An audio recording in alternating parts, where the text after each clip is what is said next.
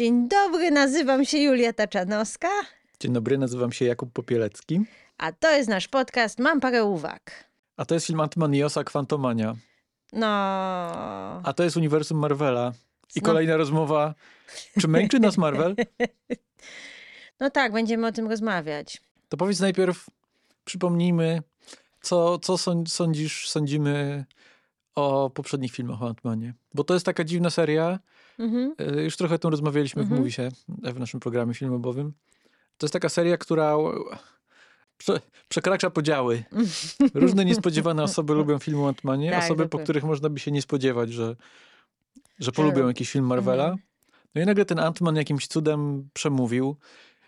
Czy to magia Polarada, czy to magia e, wątków ojcowsko-córecznych, Dzie- dziecięcych, tak. czy to jakieś e, powidoki e, stylu Edgara Wrighta, którego odciski palców gdzieś tam zostały na Antmanie, chociaż są najbardziej widoczne w, pierwszym filmie, w Mhm. drugim już tak bardzo, Bardzo niknął. nie. a w trzecim to już, To w ogóle to nie. już w ogóle niekoniecznie. Tak, no to znaczy, no pierwszy Ant-Man miał być takim skromniejszym filmem, prawda? Ogólnie to można się zastanawiać, czy Ant-Man jest ciekawą postacią, czy nie.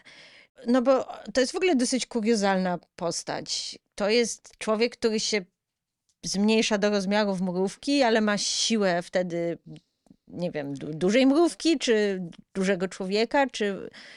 To nie, wiem, jest, czy to jest, to nie nie jest... wiem, przepraszam, że się wtrącam. ale Nie Mhm. wiem, czy to jest dobrze postawiony po problem, kiedy jesteśmy w uniwersum Marvela, gdzie masz nie, faceta, nie. który się zrobi, z, który jak się wkurzy, robi się zielony na przykład. Nie, nie, nie o to mi chodzi. To znaczy, y, zmierzam do czegoś innego. Po prostu, jakby na tle tych wszystkich innych postaci, Ant-Man moim zdaniem odstaje. O. I Ant-Man dużo lepiej, jak dla mnie oczywiście, działa w, jakby w zespole różnych innych e, bohaterów, gdzie Paul Rudd może być comic reliefem trochę. Natomiast te jego filmy jako, jako jego filmy, to znaczy ja bardzo żałowałam, że nie powstał e, ten film Edgara Wrighta, w sensie, że Edgar Wright nie był reżyserem tego filmu, bo tak mi się wydaje, że wniósłby coś ciekawego, intrygującego jakby w ten świat, a taki dostaliśmy ten pierwszy Ant-Man, dla mnie to było tak jakby w pół drogi. Chociaż też, ale wydaje mi się, że wciąż, jakby w kontekście Marvela, to dużo tych takich rzeczy, które prawdopodobnie zostały po. Edgarze Wrightie, to mm, to brzmiały świeżo i brzmiały No tak. ciekawie. No to są te, te rzeczy, za, za które pamiętamy ten film przede wszystkim, No czyli tak. scenę z Disintegration, The Cure, Tak. albo scenę z pociągiem, No scenę z zabaw- pociągiem, tak, czy kolejką. s- scenę, gdzie y, Michael Peña opowiada historię, Albo no to to jest, tego mi na przykład w tym Antmanie zabrakło i w ogóle Michaela Peña mi zabrakło w tym Antmanie. Natomiast prawda, że było tam dużo takiego zwyczajowego, marvelowego po prostu z, z zapychania dziur. No to jest już tradycja tej serii, Mhm. że marnujemy fajnych aktorów, wydaje mi się. Znaczy Paul Rudd, Paul Rudd jest Polem Radem i za to go kochamy i z, Tak, ale też mam wrażenie, że to nie jest jego pełny potencjał, że tutaj poloradowość nie została dociągnięta do setki. że gadać o pełnym potencjale, to powiedzmy o Judy Greer, o Bobim Cannavale, czy Cannavale, nie jestem pewien jak wymawiać to nazwisko, o Woodzie Harrisie, którego wszyscy pamiętamy z The Wire, który No wpisał się w piękną tradycję aktorów znanych z serialu The Wire, którzy potem nie zagrali już więcej nic ciekawego. Idris Elba jest tutaj chlubnym wyjątkiem, chociaż No. akurat w uniwersum Marvela Idris Elba też za bardzo nie dostał nigdy nic do roboty. No, to prawda. No i, i to jest jedna rzecz, w, którą trzeci film z serii Ant-Man, jedna z tradycji serii Ant-Man, którą trzeci film kontynuuje. Czyli Mówię o tradycji marnowania fajnych aktorów, Mm, bo tutaj Bill Murray wkracza z hookiem, tak. żeby powiedzieć dwa wymyślone na poczekaniu żarty, chociaż Bill Murray zwykle wymyśla na poczekaniu żarty, podejrzewam. Mhm. E, zwykle wychodzą mu lepiej niż tutaj. No tak, Tak. Ja, ja byłam przekonana, że Bill Murray w ogóle wróci w jakiejś scenie, albo że coś jeszcze z nim będzie, a on tak po prostu, no tak zmarnować Billa Murraya, chyba że Bill Murray powiedział, ja jestem tylko w jednej scenie, do widzenia. Ja myślę, że Bill Murray, Mm. mówiąc brzydko, miał totalnie wywalone na Aha. to, że gra w filmie Marvela Mhm. i okej, zgodził się, ale jak najszybciej chciał uciec No, z planu i możliwe. to niestety trochę widać w tym filmie. Mm.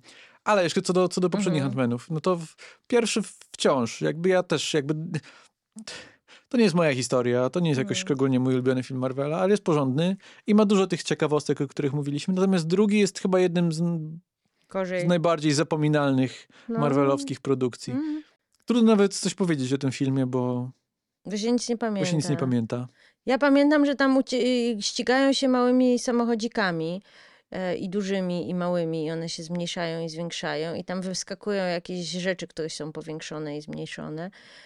I, no i masz też takie tradycyjne, że jest Goofy Ant-Man i The Wasp jest, Osa jest bardzo no nonsense dziewczyną, która tutaj załatwia sprawy i nie ma czasu na jakieś głupotki.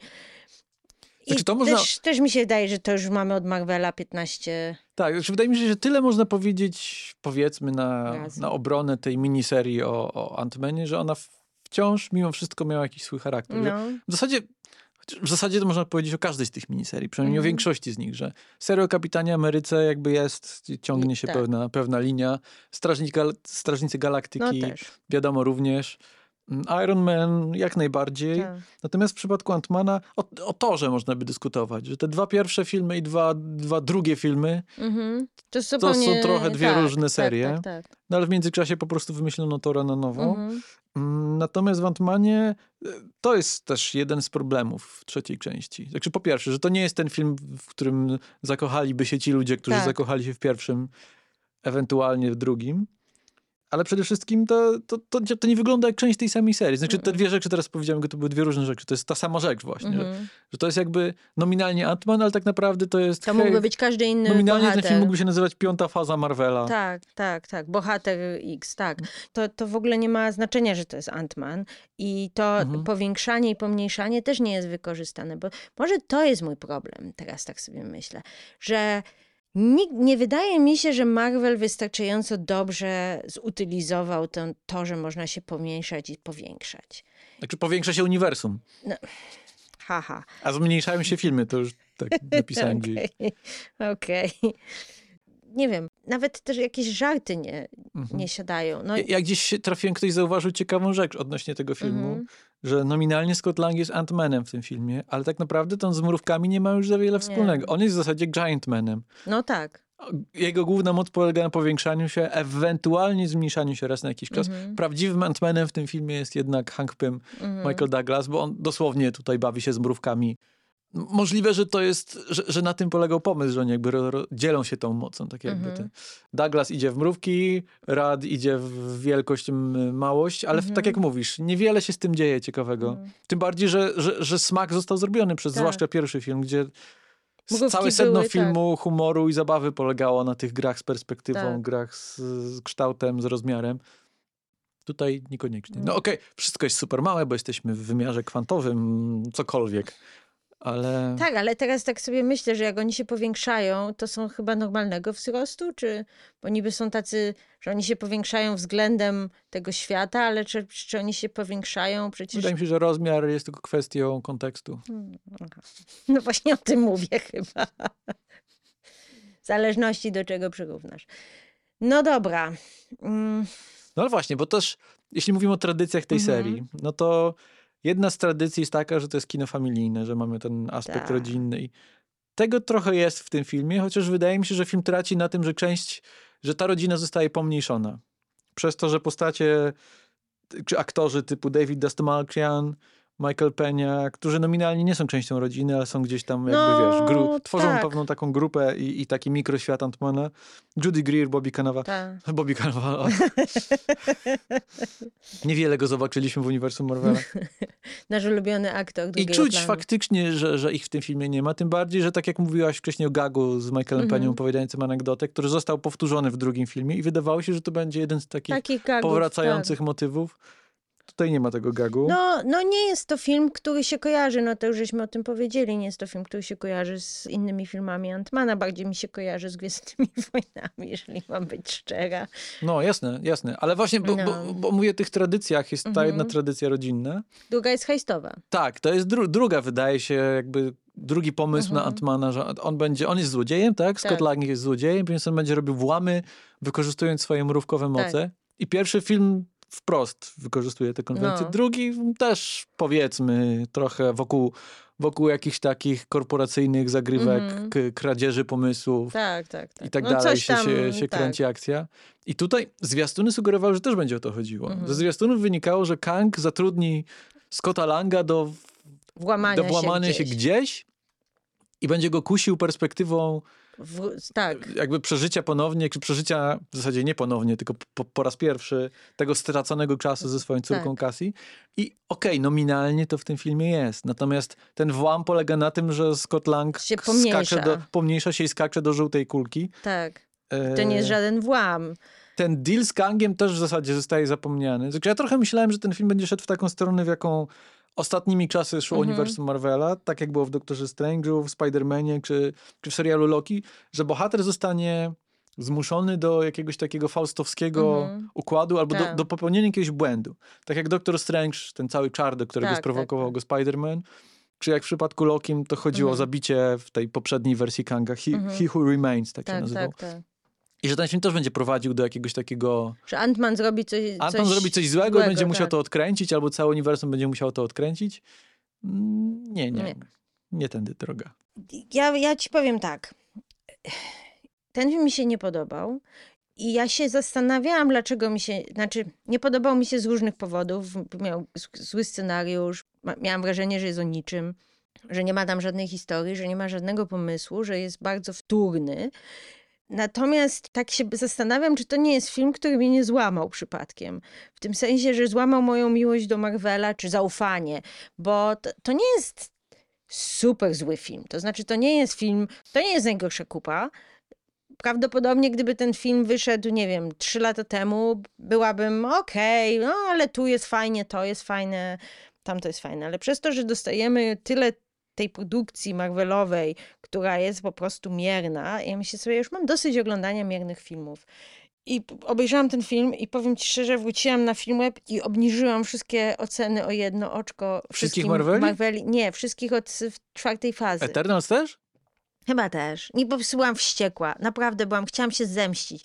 Ale to teraz jest pytanie. Czy teraz, y, kiedy działałaś, w- działałaś w afekcie? Czy w afekcie oglądałaś y, czwartą fazę z klapkami na oczach, myśląc, Tak. nie, to wciąż mi się podoba? Czy teraz w afekcie obniżasz te filmy w zemście? W zemście. O, obniżasz im oceny w zemście za to, że... Bo wydaje mi się, że to nie ten film cię złamał, tylko czas cię złamał. Możliwe. Mówimy o filmie, w którym czas jakby jest kluczową kwestią. Wiesz, jakby... Możliwe, że czas mnie złamał. Nie, no złamała mnie, złamało mnie to, że coś, co nie wierzyłam, że będzie mi się podobać, zaczęło mi się super podobać. I stałam Mhm. się super fanką. Chodzi mi teraz o uniwersum Marvela. Mhm. I stałam się super fanką i pamiętam tą moją drogę taki, takiego niedowierzania, że hej, to są świetne filmy i ja się świetnie na nich bawię Mhm. i że właśnie jestem tą osobą, która teraz jeszcze doczyta coś po seansie albo właśnie będzie dyskutować na temat różnych rzeczy. Mhm. I jestem w sumie nawet dumna z tego, że tak się wciągnęłam w ten świat. A wciągnęłam się dlatego, że te filmy były dobrej jakości, to były dobre filmy, to były dobre historie. Jeszcze raz powtórzę, dobrzy bohaterowie, fajni bohaterowie, fajnie to było napisane wszystko, spójne to było i nagle, kurde, przestało być. I nie można powiedzieć, że to są filmy, które są, nie wiem, to nie są Black Adamy. No, to, to nie jest y, Morbius, czy jeszcze inne jakieś, czy Mhm. nie wiem, początku dwutysięcznych filmy superbohaterskie. To, to, to ciągle jest okej, ale to nie jest to, z Mhm. czym ja się zakochałam i jest mi smutno z tego powodu. Ja zawsze jestem w takich chwilach rozdarty, bo z jednej strony, tak, oczywiście, filmy są gorsze niż były. Z drugiej strony, jak ktoś mi mówi, to zawsze to powtarzam. Ktoś Mm. mówi, o, męczy mnie Marvel, co myślę, a mnie nie męczy. A potem oglądam film i mnie męczy jednak, ale może to jest kwestia pogodzenia się z tym. W sensie ja oczywiście lubiłem filmy Marvela, wciąż je Mhm. lubię, ale wydaje mi się, że nie miałem złudzeń co do tego, czym to jest. Także po pierwsze, trzeba docenić fakt, że przez 25 filmów pod rząd udało im się z grubsza utrzymać poziom i moim zdaniem to jest jakby rodzaj małego cudu, że oni tak długo, przez tak wiele No. filmów trzymali w miarę kompetentny poziom. Były filmy lepsze, były filmy gorsze, ale to nie jest normalne. Wydaje mi się, że trzeba być tego świadomym, że to nie jest normalne, żeby studio nakręciło 25 filmów pod rząd, które jeszcze jakoś tam tworzą jakieś spójne uniwersum i z grubsza te, większość tych filmów jest oglądalna. Wszystkie te filmy są oglądalne, więc po prostu jakby rzeczywistość ich dogoniła w pewnym sensie. Natomiast nie można przymykać oczu na fakt, że oni trochę tej rzeczywistości pomagają. Bo jest takie wrażenie, że oni chyba się poczuli zabezpieczeni Mhm. trochę. Poczuli się, że o, mamy złotą formułę, sprawdziła się ona 25 razy, więc czemu nie miałaby się sprawdzić przez kolejne 25 Mhm. razy? W związku z czym zamówmy 25 kolejnych filmów i 25 kolejnych seriali. Więc wydaje mi się, że oni trochę zaczęli się rozcieńczać.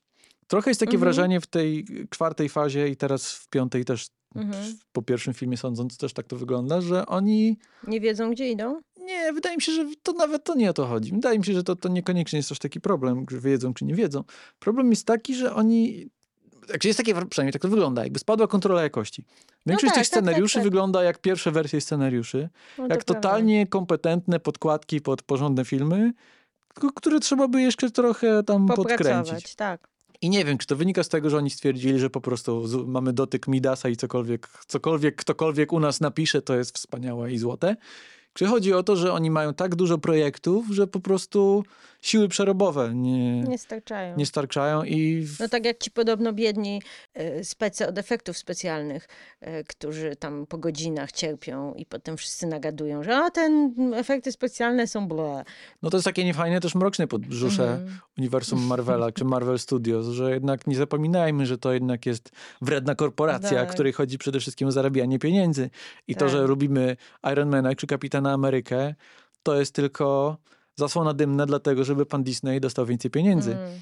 Więc, No tak. więc rozumiem, rozumiem, kiedy ktoś mówi, nie oglądam filmów Marvela, nie znoszę filmów Marvela, to nie jest prawdziwe kino. Rozumiem Martina Nie. Scorsese z No jego tak. parkami rozrywki, z jego metaforą parków rozrywki i tak dalej. Jasne, ale ja też, ale też nie ukrywajmy, że ta Coca-Cola też jest czasem smaczna. Nie, no oczywiście i była smaczna dla mnie, mówię ci, no była dla mnie smaczna przez ile lat, więc teraz to tym bardziej boli, jak już nagle przestaje smakować. No. Ale ja, ja ci powiem jeszcze jedno, bo mam, mam tak, taką jeszcze jedną teorię, dlaczego te filmy są gorsze, też może, dlatego, że oni nie, nie mają dobrych postaci, w tym sensie, że niestety Robert Downey Jr. czy Chris Evans to były osoby, które też trzymały, no szczególnie Robert Downey Jr., jakby były tymi centralnymi postaciami, wokół których się to kręciło, wokół których kręciły się te historie. I tu mam takie wrażenie, że oni nie mają tego lidera. Mhm. I że to jest tak, trochę tak jakby ktoś tę historię rozjechał wałkiem. Znaczy, Mhm. że, że ci y, bohaterowie się odbijają od siebie troszeczkę jak piłki, piłeczki ping-pongowe, że właśnie tu jest Wanda Maximow z doktorem Strange'em, bo oni obydwoje czarują, ale czy tam jest jakaś relacja? Czy ona została jakoś zbudowana? Mhm. No ja nawet nie jestem w stanie wymienić kogoś, kto by był... Nie, bo, bo wydaje mi się, że dwa problemy sygnalizujesz i one No. są, one są trochę powiązane ze sobą. Tak. Jeden to jest taki, czy relacje między postaciami i między kolejnymi filmami są Mhm. budowane tak, żeby cię zachęcać do jakby zgłębiania tej pajęczyny Mhm. zależności. I pewnie nie. Mm, Moim Ale dwa, i wydaje mi się, że to jest bardziej fundamentalny problem z tych, które tutaj zasygnalizowałeś, to Mhm. jest taki, że brakuje takich postaci, postaci kotwic, tak jakby. No tak. Postaci, dla których to oglądaliśmy. No bo wiadomo, że wszyscy się zakochali nie tyle w Tonym Starku, co w Robercie Downey Jr. I teraz pytanie, czy problem, czy, czy to, że nie ma teraz takich nowych postaci, nie ma tego drugiego Mhm. pokolenia bohaterów Marvela, które by dorastało do pierwszego pokolenia, czy to wynika z tego, że nie ma już takich postaci w uniwersum po prostu, że wyczerpaliśmy te naj, najbardziej ikoniczne postacie Mhm. I zabiliśmy je albo wysłaliśmy w przeszłość w czasie, albo Mhm. aktorzy zrezygnowali, albo cokolwiek. To jest raz. Czy to jest tak, że po prostu nowe postacie nie są tak dobrze napisane? Czy nowi aktorzy nie są tak charyzmatyczni? Czy to jest wszystko naraz? Ja się nie zgodzę, że postacie nie są, Mhm. że nie ma postaci. Przecież Iron Man to nie był jakiś super znany przed filmami, to nie był jakiś super znana postać. Moim zdaniem postaci jest mnóstwo, tylko że, że, że szefowie, czy twórcy, czy tam, nie wiem kto tam, dyrekcja, czy kto to decyduje o tym, jakie filmy są, Kevin Feige chyba, że nie mają aktora, który jest na miarę Roberta Downieya Jr., że, że to jest kwestia i scenariusza, i aktora. Dla mnie takimi postaciami w tym momencie w MCU, które chętnie bym śledziła, no to jest Czarna Wdowa grana przez Florence Pugh, Jelena, tak? Mhm. Ona jest Jelena. To ona jest charyzmatyczna, ona jest jakaś, ona jest ciekawa, ale wiadomo, że ona nie będzie główną postacią. To jest też poboczna postać. Nie ma Chadwicka Bosmana, prawda? No zastanów się, no Doctor Strange jest No, Trudno go lubić. Trudno go lubić. To nie jest postać, która ma urok Mhm. i Benedict Cumberbatch no nie, ma, nie ma tej charyzmy, co, którą ma, miał. Mimo, że ja go bardzo lubię, ale to nie jest charyzma na poziomie Roberta Downeya Jr. No. Wychodzi na to, że wielką tajemnicą uniwersum Marvela był Robert Downey Jr. po prostu. Ale to była kompilacja, bo uważam, że oni świetnie się z Chrisem Evansem byli dopasowani, który był po prostu przystojnym sztywniakiem, ale on grał tego sztywniaka interesująco, w sensie, że to na papierze jest najnudniejsza postać ever, a, a Chris Evans po prostu da, dał mu życie i też jakąś charyzmę i też się go kochało. A propos tego, kto, kto był Mhm. tajną bronią Marvela. Wydaje mi się, że trochę aktorzy, ale też teraz pomyślałem sobie, że nie byli nią reżyserzy. Można by taką tezę rzucić, Mhm. że o, reżyserzy, bracia Russo, ktoś tam. No tylko, że jakby wspaniałość braci Russo zrewidowała ich kariera po Marvelu. Mhm, Niestety wszystko, co nakręcili po Marvelu jest słabe albo bardzo słabe. mhm. Film Cherry, przypominam, z Tomem Hollandem. Dość żenująca próba Tak. zrobienia ambitnego kina przez braci Russo. Film Greyman, równie żenująca próba zrobienia e, kina gatunkowego przez braci Russo. Okazuje się, że postać producenta też miała znaczenie, czyli Mhm. jakieś takie połączenie różnych tak. energii, które tutaj w Marvelu się pojawiały. Więc jakby To jest złota formuła. Nie, no bo Strażnicy Galaktyki Mhm. to był też złoty strzał. To też i ta grupa ludzi, i James Gunn. Ale ja na przykład ja bym się nie zgodził, bo jest taka teoria, Mhm. że o, to już jest po prostu zbyt skomplikowane, że jakby jest to paradoks Marvela, który polega na tym, że początkowo to nas wszystko interesowało, bo to było powiązane i z filmu na film bohaterowie się Mm. przechodzili i fajnie się jakby śledziło to jak taki wielki serial, a teraz jest po prostu praca domowa i musimy odrabiać lekcje, co się wydarzyło w WandaVision i w Lokim i w Hawkeye'u i w She-Hulk, żeby zrozumieć, co się wydarzy w kolejnym filmie. Ja- Do pewnego stopnia tak jest, ale wydaje mi się, że to ma swoje e, ciekawe elementy. Także podoba mi się to, że jesteśmy już tak głęboko w uniwersum, że docieramy do jakichś takich absolutnych dziwac, które nigdy w życiu nie Mhm. miałyby szansy trafić na ekran wielomilionowej superprodukcji z Hollywood. Mhm. I mówię o elementach typu Kang i Modok na przykład, które Mhm. możemy w tym filmie zobaczyć. Natomiast jest takie wrażenie, że te elementy są trochę niewykorzystane. Że z tym Kangiem i z tym Modokiem można by zrobić jeszcze jakieś fajniejsze rzeczy. Ale to jest też trochę dla mnie śmieszne. Może Mhm. dlatego aż tak mnie nie boli ten upadek Marvela i może dlatego... Bo to jest teraz tak, że tobie, ty mówisz o pracy domowej. To jest nudna praca domowa. To nie jest tak, że ty jesteś zainteresowany, y, co się będzie działo dalej, prawda? Nie, teraz jest tak, że trzeba obejrzeć pięć odcinków jakiegoś serialu, Falcon and the Winter Soldier, bo potem się nie zrozumie, co, co, co było w jakiejś innej w innym filmie, a, to, a ten Falcon and Winter, Winter Soldier cię nudzi. I co? Czy Hawkeye i... Jezu, Hawkeye, tak się to nazywa. Hokej i Hokej. Hawkeye i Hawkeye. Nie, bo chciałam, że Kate Bishop ona jest, tak. No, Czyli Hokej. czyli Hawkeye, drugi Hawkeye. No, y, Hawkeye na święta. To No tak, są rzeczy, umówmy się, które mnie nie ale interesują. Się, ale to nie jest tak, że jak nie obejrzysz Hokaja, She-Hulk, WandaVision, Moon Knighta i czegokolwiek, to nie zrozumiesz pięciu kolejnych filmów. To się, to się tylko wydaje. To jest też paradoks Doktora Strange'a ostatniego, że wiele osób obejrzało ten film, nie obejrzawszy WandaVision i myśleli, ha, coś przegapiliśmy.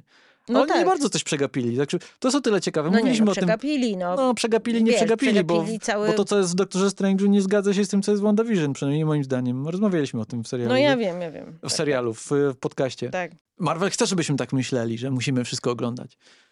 E, Z trzeciej strony, no ja się aż tak nie męczę, przynajmniej jeszcze oglądając Nie, te nie. rzeczy. No, no ja się teraz męczyłam przy tym Ant-Manie, to prawda.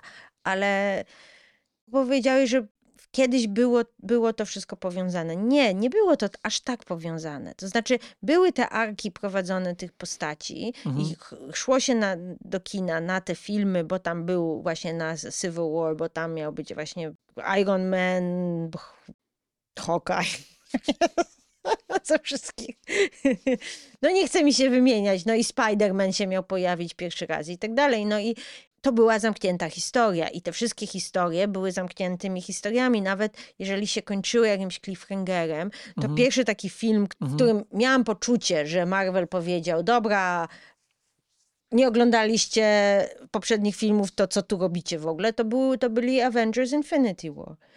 No, bo to był taki film, gdzie już nas rzucają w historię, nie tłumaczą, kto, kto jest kim, albo wiesz, albo nie wiesz, oglądaj. No. Otóż ja ci powiem, tak, ale czy trudno akurat temu filmowi robić taki zarzut? Nie, nie, no świetny to film. raz, a dwa, no t- Nie, dwa... nie, tylko mówię, że po prostu, że, że bo ja ciągle się odbijam od tego, co powiedziałeś Mhm. te 15 minut temu, że to jest praca domowa. Jakby szukam różnicy, no. Tak, ja Dlaczego wiem. kiedyś działało, a teraz nie działa? No. Mm, Tak, tak, chociaż ja też bym, ym, ale ja generalnie się zgadzam, natomiast ja bronię tej tezy, że te filmy wciąż są, znaczy Infinity War absolutnie to jest film, który zdał test mamy. No, a, tak. W sensie, że twoja mama może nie wiedzieć nic o Marvelu, a i tak da się obejrzeć Infinity War. Ale faktycznie jest coś takiego, że, że teraz może bardziej niż kiedyś czuć w Marvelu, że oni budują coś na przyszłość i to Mhm. jest nieskończone budowanie w przyszłość, to są nieskończone sceny po napisach i nieskończone Tak. zwiastuny czegoś, co będzie kiedyś i jak oglądasz film ci się nie podoba, oni mówią, ej, ale spokojnie, za Tak. rogiem czai się następny film. I wszystko zrozumiesz, jak zobaczysz następny film. Natomiast o tyle dziwny jest ten zarzut, przynajmniej wobec czwartej fazy wystosowany, że czwarta faza, filmy z czwartej fazy generalnie były samodzielne. Tak mi się wydaje z grubsza. Shang-Chi, Eternals, Czarna Wdowa, to są w zasadzie zamknięte pojedyncze historie, które aż tak mocno nie odsyłają do czegoś, co wydarzy się kiedyś tam w przyszłości. A, ale ten Znaczy- problem pojawia się już zdecydowanie w Quantumanii. Że to jest ten Mhm. problem. To jest to przecięcie związku, z, przecięcie pępowiny z poprzednimi filmami o Ant-Manie, bo to nagle przestaje być film o Ant-Manie, tylko to jest film o całym uniwersum Marvela i to jest film o tym, że hej, za, za pięć filmów będzie Avengers Kang Dynasty. Hmm. Za pięć filmów? No pięć, czy osiem, czy dziesięć. Spojrzałem na zegarek w No ogóle, to właśnie. pięć filmów. Tak, właśnie tak się zastanawiałam. Ale to jest czy- też o tyle zabawne, że teraz ki- kinowe uniwersum Marvela bardziej przypomina komiksowe niż kiedykolwiek. Mhm. Komiksowe uniwersum Marvela. Pod tym względem, że większość tego to jest e, nieciekawe. Większość tego to są jakieś e, śmieci, jakieś takie, wiesz, trzepane po prostu z automatu rzeczy, bo trzeba je trzepać. To jest po prostu content. No, Mhm. tym jest Marvel jako wydawnictwo dla, dla Disneya. To jest fabryka, tania fabryka kontentu. Tam niech se piszą chłopaki te komiksy, Mhm. dziewczyny i chłopaki i niech se rysują i wydają. Czasem coś z tego zekranizujemy w jakimś filmie. Y, To nas aż tak wiele nie kosztuje. Tylko, że różnica jest taka, że tam raz na jakiś czas zatrudnią faktycznie kogoś, y, kogoś z wizją, y, kogoś z autorskim głosem, komu pozwolą trochę bardziej poszaleć Mhm. takie osoby typu, nie wiem, Jonathan Hickman, Matt Fraction, Grant Morrison i oni mogą przez chwilę coś zaszaleć i zrobić coś naprawdę ciekawszego na skalę całego uniwersum. Oczywiście to potem jest zamieciane pod dywan, to wszystko, co oni stworzyli jest y, cofnięte, zredkonowane i tak Mhm. dalej, ale są takie momenty jakiegoś takiego napięcia, co jest z oczywistych powodów niemożliwe do zrealizowania w kinie. No nie Mhm. daliby nakręcić nagle filmu Marvela, nie wiem, Davidowi Lynchowi, a, czy nawet Ariemu Asterowi, no bo to jednak jest za duże niebezpieczeństwo finansowe po prostu. No Jakby za, tak, za tak. duża skala i nie mogą No sobie tak, na to tak, pozwolić, tak. więc muszą grać Tak. bezpiecznie. Dali Chloe za I świat. Eternals i świat oszalał, prawda? To się nie w pozytywnym Tak, sensie. tak, tak, dokładnie, dokładnie. Problem też polega na tym, że nie ma stawek. Mhm. Szczerze mówiąc, ja do końca nie wiem, o co im chodzi. Znaczy, gdzie oni zmierzają, tak czuję, że mnie to nie interesuje. Mówisz teraz o Marvelu, czy Mówię o o rodzinie Mar- Langów, Van Dynów? Nie, zaraz przejdziemy do Ant-Mana pewnie. E, Nie, mówię o Marvelu, że ja mam takie poczucie, że wszystko to, co się dzieje, może być za chwilę zrestartowane. I dlaczego ja mam się przejmować? I przecież ja wiem, że Wanda wróci, mimo że w Doktorze Strange'u niby została Mhm. zlikwidowana, czy ja nie wiem, umarła, czy coś tam Mhm. albo jakaś jej wersja wróci, prawda? Już wiemy, że widzieliśmy zwiastuny e, Strażników Galaktyki, już wiemy, że Gomora wróci, e, prawda? I takie, no to znaczy już wie, wiedzieliśmy, że Gomora wróci, bo już była w, w Endgame, ale chodzi o to, że mamy że mamy takie poczucie, że okej, dobra, nie wrócą tylko te Mhm. postacie, których kontrakty wygasły, prawda? Czy którzy nie będą chcieli, czy Chris Evans, czy...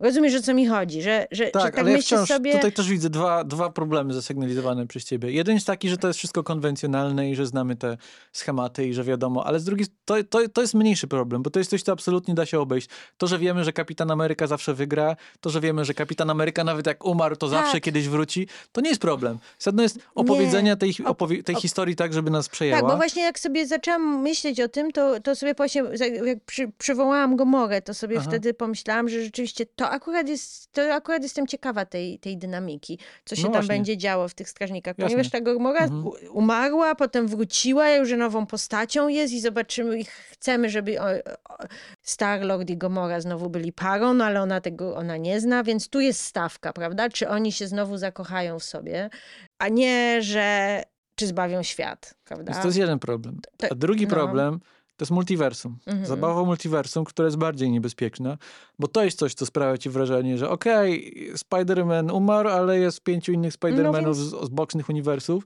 O tym mówię, I- tak. Także to można rozwiązać w ten sposób, w jaki rozwiązujemy problemy. Kapitan Ameryka umarł, wróci, bo wiemy, że wróci, wiemy, że zawsze wygra i tak dalej. Czyli po prostu dobrze opowiedzieć tę historię. Ale na przykład Ant-Man i Osa Quantumania jest dobrym przykładem na to, w jaki sposób to może nie działać. Mhm. Bo tu mamy postać Kanga, który jest No, budowany na właśnie nowego, tak. wielkiego wilana uniwersum, na kolejnego tak. Thanosa, następcę Thanosa. Już No fajnie. poz- poznaliśmy dwie wersje. Właśnie o to chodzi. To już jest drugi Kang, jakiego poznaliśmy. Drugi Kang, który ginie. W scenie po napisach poznajemy trzech innych, a potem tak naprawdę 500 innych. Paradoks z tego jest taki, że no nie myślisz sobie, o Boże, Kang wróci, już go poznaliśmy, jest straszny, będzie jeszcze straszniejszy, będzie ich 500. Nie. Myślisz sobie, ha, już było dwóch Kangów, obaj zginęli. Już ich, tak naprawdę już widziałaś tego Kanga. Jak, jakby stawka, stawka No. maleje. I to też na przestrzeni tego filmu nawet się dzieje, gdzie jak Jonathan Majors wjeżdża w pierwszych swoich scenach w tym filmie, to myślisz, wow, że jakby No. on jako aktor ma po prostu tyle jakiegoś takiego Charyzmy. takiej charyzmy i obecności ekranowej, że on potrafi wznieść się ponad ten tak, scenariusz. On, on jakimś mięśniem twarzy po prostu już miną jakąś, spojrzeniem już ci jakby rządzi. Więc Kang startuje jako taka prawie że szekspirowska postać, po czym dojeżdżasz do sceny po napisach i, i, i od szekspirowskiej postaci robi się komedia braci Cukier trochę. No, trochę Za kogo tak. jeszcze Jonathan Majors się może przebrać? Tak, tak. rozumiem. Tu jest faraonem, Ja wszystko wiem, jest to się bierze z komiksów, mamy różnych Kangów, mamy, e, wymieniam, Immortus, Ramatut, Scarlet Centurion, Victor Timely, fajnie, tylko że sobie myślisz i co z tego? No, trochę tak sobie myślisz, bo dlaczego mam się przywiązywać do kogokolwiek z nich? Poza tym ten, tego lub polubiłam, to znaczy ten był To fajny. problem, to jest problem. Ten Kang, którego teraz pozna, to jest najfajniejszy, najfajniejszy Kang. Aha. Kang Faraon i Kang cała reszta to są już gorsze, gorsi Kangowie. Teraz co sobie myślimy? Czy, czy ten Kang niby zginął tutaj, a wróci? Podobno miała być taka wersja, że Ant-Man i Osa mieli zostać. Na, w ostatniej scenie się otwiera po, portal, Mhm. y, Cassie otwiera portal i Kang miał przez niego przejść, a Ant-Man i Osa mieli zostać. Mhm. To by było może ciekawsze, no bo byłoby gonienie tego Kanga, a tak to on zginął i myślisz sobie, Chociaż ja myślę, że wrócisz. Jakby, że ten to, akurat wróci, to jest wzorcowy, to jest wzorcowy, to jest ten Kang zdobywca, który jest głównym Kangiem. Gdyby on nie wrócił, to, Że został zmarnowany na taki... to zmarnowali wi- Wilana, bo okej, ma różne Mhm. swoje inne wersje, ale to, to jest ta wersja, która jest tym głównym No ma Wilanem. fajny tak kostium wydaje. poza tym. Plus ma kostium, no. Mi się jego kostium też Ale też tak sobie myślę, to nie jest coś, z czego jeszcze oni nie mogą wybrnąć. Zawsze mogą to naprawić po prostu kręcąc dobry film, bo próbuję sobie przypomnieć, jak przypominam sobie, jak wyglądało czekanie na Thanosa. Nie wiem, czy pamiętasz, jak wyglądało. Czekanie na Thanosa polegało na tym, że A. W pierwszych Avengers uśmiechnął się w scenie po napisach. Potem B. W drugich Avengers założył rękawice w scenie po napisach. Założył rękawice i powiedział, teraz ja się tym zajmę. Koniec. Potem Się pojawił niczym się, nie zajął, Potem tak pojawił szczerze mówiąc. ni- niczym się nie zajął przez kolejne 10 filmów. Po czym pojawił się w Strażnikach Galaktyki, gdzie Siedział na tronie. siedział na tromie, a potem, a potem wyłączył się z rozmowy na Zoomie, by się obraził. I dopiero w Infinity War coś się wydarzyło. No tak, no. Więc totalnie jeszcze mogą wszystko obrócić. Tak, różnica polega na tym w oglądaniu Marvela. Kiedyś to było tak, że oglądaliśmy generalnie dobre filmy i raz na jakiś czas Się trafiało jakieś... się trafiało coś gorszego. Teraz Tak. po prostu jesteśmy po drugiej stronie lustra i większość tego to jest taka papka, która jest okej. I, I myślę sobie, że raz na jakiś czas powinien pojawić się naprawdę fajny film. No, ja cały czas liczę. czekam na ten fajny film. Chociaż no. tak jak patrzę na najbliższe 10 ich filmów, to nie widzę potencjału. No ale dobra, ale w poprzedniej fazie też nie się nie widziało i e, w sensie, że, że jak się pojawiały Strażnicy Galaktyki, co tam jeszcze było? Czy jakieś inne tory, czy coś, to też wszyscy myśleli, o Jezus Maria, co to będzie. Mhm. Ja chcę po prostu dostać dobry film. Ja chcę odzyskać moją magię z powrotem, moją miłość do Marvela, a nie Mogżo chcesz odzyskać. tak, a nie, że, że kurde oglądam. Mogżo, swoją drogą, Mogżo to jest dobry potencjał. Mogżo to jest taka postać... E, Mówisz o tym, nie wiem, czy znasz Mogżo, nie wiem skąd miałabyś znać Mogżo. Mogżo to jest By... Nie wiem, skąd bym miała znać moczu. Bezkręgowy telewizyjny producent z innego wymiaru, który zazwyczaj porywa X-Men, zmienia X-Men w dzieci i zmusza ich do grania w swoich programach telewizyjnych. Co? Ja Dlaczego powiem- nie mamy tego filmu? Ja ci powiem, że przez długi czas podejrzewałem, że Mojo będzie czarnym charakterem w serialu WandaVision, bo tam był ten motyw, że oni są w serialu i tak dalej, więc myślałem, totalnie będzie Mojo, czekam na Mojo. Niestety nie było Mojo. Myślę, że na, na Mojo na dużym ekranie jeszcze długo poczekamy. Po- Czy ty narysowałeś Kanga na swoich Tak, to jest Kang. E, Ale z Mojo łączy się to, bo Mojo jest vilanem, Mhm. Mojo jest przeciwnikiem X-Menów i ja z tym wiążę swoje nadzieje. Mhm. Myślę, że z, z, znowu spojrzałem na zegarek, za 10 filmów, za 10 filmów, jak wreszcie, czy 15, wreszcie pojawią się w tym uniwersum X-Men, to może to będzie ten... Nie wiem, Czy ty no, liczę, myślisz, że- liczę na X-Men. No ja wiem, że ty liczysz na X-Men. Ale też dlatego, że X-Men to jest moje ulubione rzecz z uniwersum Ja Marvela. wiem, ale czy, czy teraz się nie boisz po tej serii filmów, że te X-Men będą po prostu jak kurde... Boję się, ale słuchaj, przeżyłem już 7 słabych filmów o X-Men. No przeżył. Ja rozumiem, że to może być kontrowersyjna opinia, ale ja nie, naprawdę nie, nie lubię tych lubisz? filmów za bardzo. Lubię w nich rzeczy. Lubię Michaela Fassbendera. No. A McAvoya lubisz? Może być. A Sir Patrick Stewart? Tak, i- Stewart McKellen, jasne. A Hugh Jackman? Za wysoki. Ale są tam jeszcze? pojedyncze rzeczy. Z, serii X-Men chyba film X-Men 2 mi się najbardziej podobał. Tak? Tak, myślę, To że jest to bardzo jest... ciekawe, bo y, okej, mini dygresja, bo mi się wydaje, że ten X-Men 2 ma bardzo taką famę, że on jest ten najlepszy, a moim zdaniem wcale nie jest, wcale nie jest najlepszy, tylko wy pamiętacie, wy ludzie oglądający X-Menów od początku, Mhm. pamiętacie, y, że to był ten, ten jakby super świetny. Wiesz co, może to wynikać z tego, że y- drugi był przynajmniej moim zdaniem lepszy od pierwszego, ale to Mhm. też dlatego takie było wrażenie, że pierwszy mi się w ogóle nie podobał. Znaczy nie podobał, bo, tam jest taki dziwny, nie wiem czemu teraz o tym rozmawiamy, tam jest taki dziwny rozkrok między tym, że- Brian Singer próbuje zrobić coś poważnego z Mhm. X-Men, więc ubiera ich w skórzane kostiumy, akcentuje te wątki e, nierówności, Mhm. holokaust i tak, Tak, tak dalej. tak. Ale z drugiej strony przy tym całym swoim y, no, udawaniu, że to jest poważne, Mhm. to tak estetycznie te filmy to wyglądają jak Mortal Kombat. Jakiś taki jest dziwny rozdźwięk między. Ale teraz mówisz o pierwszym, tak? Mówię o wszystkich O tych filmach wszystkich. w zasadzie. O pierwszych najbardziej, ale jest dziwny rozdźwięk między próbą zrobienia z tego czegoś poważnego yy, i taką protekcją względem komiksów. W pierwszym filmie Mhm. nawet jest żart. Wolverine żartuje. A co miałbym ubrać? Żółty spandex? Ha, ha, ha, ha, ha. My jesteśmy poważni, nosimy skórę. A z drugiej strony te filmy są totalnie obciachowe. Te moce wypadają niefajnie, ludzie tam wiszą na sznurkach.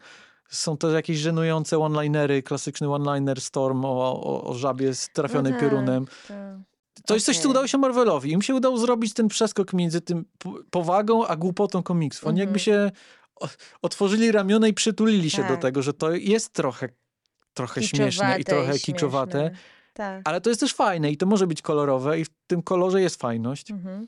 Więc dlatego liczę, że może Marvel będzie wiedział, co zrobić z X-Men. Ja, ja ci powiem, że ja najbardziej lubię pierwszą klasę, X-Men pierwsza klasa. Co już powi- opowiadam to za każdym razem. Pierwsza klasa myślałam, że to nie jest, że, że chodzi, że to jest pierwsza klasa, tylko że, Że to są jest tak- tak tak, dobrzy. tak dobrze, że to jest pierwsza klasa, wiesz, na zasadzie najlepsza klasa. No to jest film, w którym, to jest film, w którym e, Fassbender przesuwa siłą... Fassbender przesuwa wielką antenę i jest to wzruszająca scena. No tak. Nie, no to jest, to jest moim zdaniem najlepszy film o X-Menach i powiem ci, że rozmawiamy o X-Menach, dlatego że rozmowa o Ant-Manie jest nudna, bo to jest kiepski film. I to jest gładkie przejście do rozmowy o Antmanie. Tak, że wolałabym o X-Menach porozmawiać. Tak, no dobra, więc od czego zaczynamy? Ech, zacznijmy może od scenariusza, który jest pełen, ma siedem dziur, tak, Scott Lang. Udało mi się. Myślę, że ma ich więcej. Ma ich więcej, ale Znaczy, to jest też ciekawe. To jest ciekawe, to jest bardzo ciekawe. Bo, bo słychać różne głosy na temat tego, jak pracuje Marvel. Jakby nominalnie ich filmy są podpisane zazwyczaj jeden, dwóch scenarzystów. Mhm. Jeff Loveness tutaj figuruje, który swoją drogą pracował też między innymi przy serialu Rick i Morty i trochę I widać tę totalnie historię w tym filmie. To tak dwugodzinny odcinek Ricka i Mortiego pod pewnymi względami. ale. Ale z drugiej strony te filmy nie mają takiego jakiegoś autorskiego sznytu i wydaje się, że one są jednak pisane przez jakiś komitet i po prostu okej Jeff, ty tutaj spisz to wszystko, spisz to wszystko i cię podpiszemy. Mhm. Nie, ja miałam takie poczucie, znaczy tak sobie wyobrażałam, jak ten Marvel, jak Marvel wygląda e, jeszcze za ty, tych, wtedy, kiedy te filmy były dobre. To jest tak, że ludzie piszą rzeczy, po czym przychodzi Kevin Feige, czyta i mówi to źle, to źle, to źle, tu popraw, tu popraw, tu popraw, tu popraw. I potem e, ktoś to przepisuje i Kevin Feige znowu mówi jeszcze, ja myślę, że jest jeszcze, odwrotnie. jeszcze, ja myślę, że jeszcze. najpierw przychodzi Ken Feige i mówi, to, to, to jest Ant-Man no i Osa Quantumania. W tym filmie musicie zrobić to. Musi być Kang, musi być to, zdaniem, musi być to, moim musi zdaniem być to. teraz jest tak. Moim zdaniem teraz jest za dużo tych scenariuszy i Kevin Feige już nie ma czasu wszystkiego czytać i poprawiać, że on kiedyś czytał i poprawiał i, pra- e, i właściwie to były jego filmy i jego, on podobno ma, jest bardzo dobry w tym trzymaniu historii, w sensie, że on zawsze był... Pa- Pamiętam ktoś, gdzieś wyczytałam, że ktoś opowiadał, że Kevin Feige jeszcze zanim, zanim był Kevinem Feige, bogiem Marvela, to był po prostu zwykłym jakimś tam producentem i ktoś, już nie pamiętam kto to był, dał mu scenariusz jakiś do przeczytania i Kevin Feige jakiś mu dał po prostu idealne notatki, jakby co powinien zmienić, To co był jest Aaron Sorkin. źle. To był I to Aaron był scenariusz Sorkin? Social Network. Naprawdę? Nie, żartuję. I to był Orson Welles i to był scenariusz Obywatela Kane'a. Powiedziałeś to z tak przekonującą miną, że To był Joseph Mankiewicz. totalnie bym uwierzyła. Nie, kto był ktoś, kto też robił jakiś film gatunkowy, jakieś coś tam, ale to nie było nic specjalnego, ale dokładnie były te notatki, idealnie jakby naprawiały ten scenariusz. No. No tak, ale z drugiej strony słyszy się też o takich rzeczach, że na przykład sceny, sceny akcji, sceny widowiskowe filmów Marvela są zazwyczaj prewizualizowane i gotowe, zanim jeszcze ekipa wejdzie na plan. No tak, i mają innego reżysera. Bądź reżys- Nie, no tak, ale chodzi o to, tak. że czasem zanim scenariusz zostanie napisany do końca, to oni już mają sceny akcji jakby Wymyślone. w wersji, wiesz, 1-0, No tak. czy tam 0,5. No. No tak, ale te sceny akcji, kurde, oni muszą zacząć wcześniej, bo muszą się raz, że choreografię do nich zrobić, a dwa, że efekty specjalne, więc Nie, wiesz, nie, jasne, ale chodzi mi jest- o to, że to nie jest czasem tak, że ogon kręci psem, że oni, tak jak wcześniej powiedziałem, że Mhm. te rzeczy muszą być w tym filmie, a resztę, Jeff wypełni resztę. No tak. I Jeff wypełnia resztę, ale No tak, ale kiedyś, Wiesz. kiedyś było, motywacje bohaterów były zrozumiałe. No na przykład weźmy tego Entmana i Quantumanie i Osę. Osa jest tam kompletnie niepotrzebna. tytułowa bohaterka. Tytułowa bohaterka. Tam jest za dużo ludzi w tym filmie. Tam powinna być Janet, córka i, i Scott. I Ja to bym nawet z Janet y, zrezygnował. Janet byś, Moim Janet zdaniem byś... Antman i córka w innym Wystar- wymiarze, powiedzmy. Znaczy, bo, bo to jest, jest osobny problem, moim zdaniem, taki na skalę uniwersum, Mhm. że tutaj mamy ten klan Pymów slash Langów Mhm. slash Van Dynów.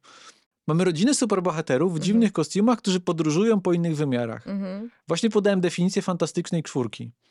I to jest niefajne. Tak, ciekawi mnie, co Marvel zrobi z fantastyczną czwórką, która jest już na horyzoncie. To jest już Mhm. za, za trzy filmy, spojrzałem na zegarek. Co zrobi Marvel z fantastyczną czwórką, skoro już de facto ma fantastyczną czwórkę? Która nie jest fantastyczną czwórką i jest niefajną fantastyczną czwórką. Jest ich, czekaj, liczę, liczę, pięć osób. Fantastyczna piątka. Fantastyczna piątka plus, plus kumple. Nie, bo y, Janet moim zdaniem jest potrzebna o tyle, że ona wprowadza w ten świat, że okazuje się, że ona ma, że, że trafiają w ten wymiar kwantowy. Mhm. Wydawało się, że jest tam pusto, okazało się, że nie jest pusto, e, że tam żyją, jest cywilizacja, ludzie, miasta, prawda, Gwiezdne Wojny, oni nawet są tak ubrani. Ktokolwiek twierdzi inaczej, po prostu nie przyglądał się dobrze. To jest Rick i Morty skrzyżowany z Gwiezdnymi Wojnami, z Antmanem. Y, Janet, no i ona okazuje się, że tam ma jakąś tajemnicę, która Mhm. powinna być wyjawiona dużo szybciej, a nie, że ona Ale najlepsze jest to, że po pierwsze, to nie jest żadna tajemnica, bo film się nazywa Ant-Man i Osa Quantumania, więc wiesz, że coś tam się będzie Tak. działo i wiesz, że będzie Kang, więc od razu wiesz, na czym polega ta tajemnica. Tymczasem Janet Van Dyne ma w filmie pięć scen, które wyglądają tak. Janet, na czym polega tajemnica? Mm, Nie powiem. tak, Koniec nie sceny. o tym Michelle rozmawiać. Pfeiffer, wybitna tak. aktorka. Michelle, zrób coś z tym. Mm, Nie powiem. Ale też sobie pomyśl, jak, jak, ile tam mogłaby być fantastycznych jakby pomysłów y, wykorzystanych, no. Że ona wprowadza w jakiś świat, że ona okazuje się, No że ona była tam bad guyem No właśnie o to mi przykład. chodzi. I że może ona właśnie wcale nie jest tą pozytywną osobą, Mhm. tylko jest właśnie złodziejką i musi coś ukraść ze Scottem, albo coś odzyskać, albo cokolwiek. No nie wiem, 15 tysięcy lepszych historii przychodzi na myśl, a nie to, że ona ma wyrzuty sumienia, że pomogła A, a potem się drugie pół czasu spędziła walcząc z nim, no i, I ma nowe wyrzuty sumienia, że, wyrzuty że wyjechała sumienia stamtąd i nie wróciła. i nie wróciła, jakby, że zostawiła ludzi. Jakby co to jest za problem? To zdecydujcie się na jakąś jedną rzecz, a właśnie zróbcie coś fajnego i coś ciekawego z tą postacią. Coś nieoczywistego. No właśnie, Osa i Hank Pym są ludzie, do których się mówi ekspozycje i tłumaczy świat. No i plus Ant-Man i córka, no powiedzmy, okej, dobra, to, to ta córka, no to jest drugi problem moim zdaniem, że Ósmy. ósmy, ósmy, piętnasty.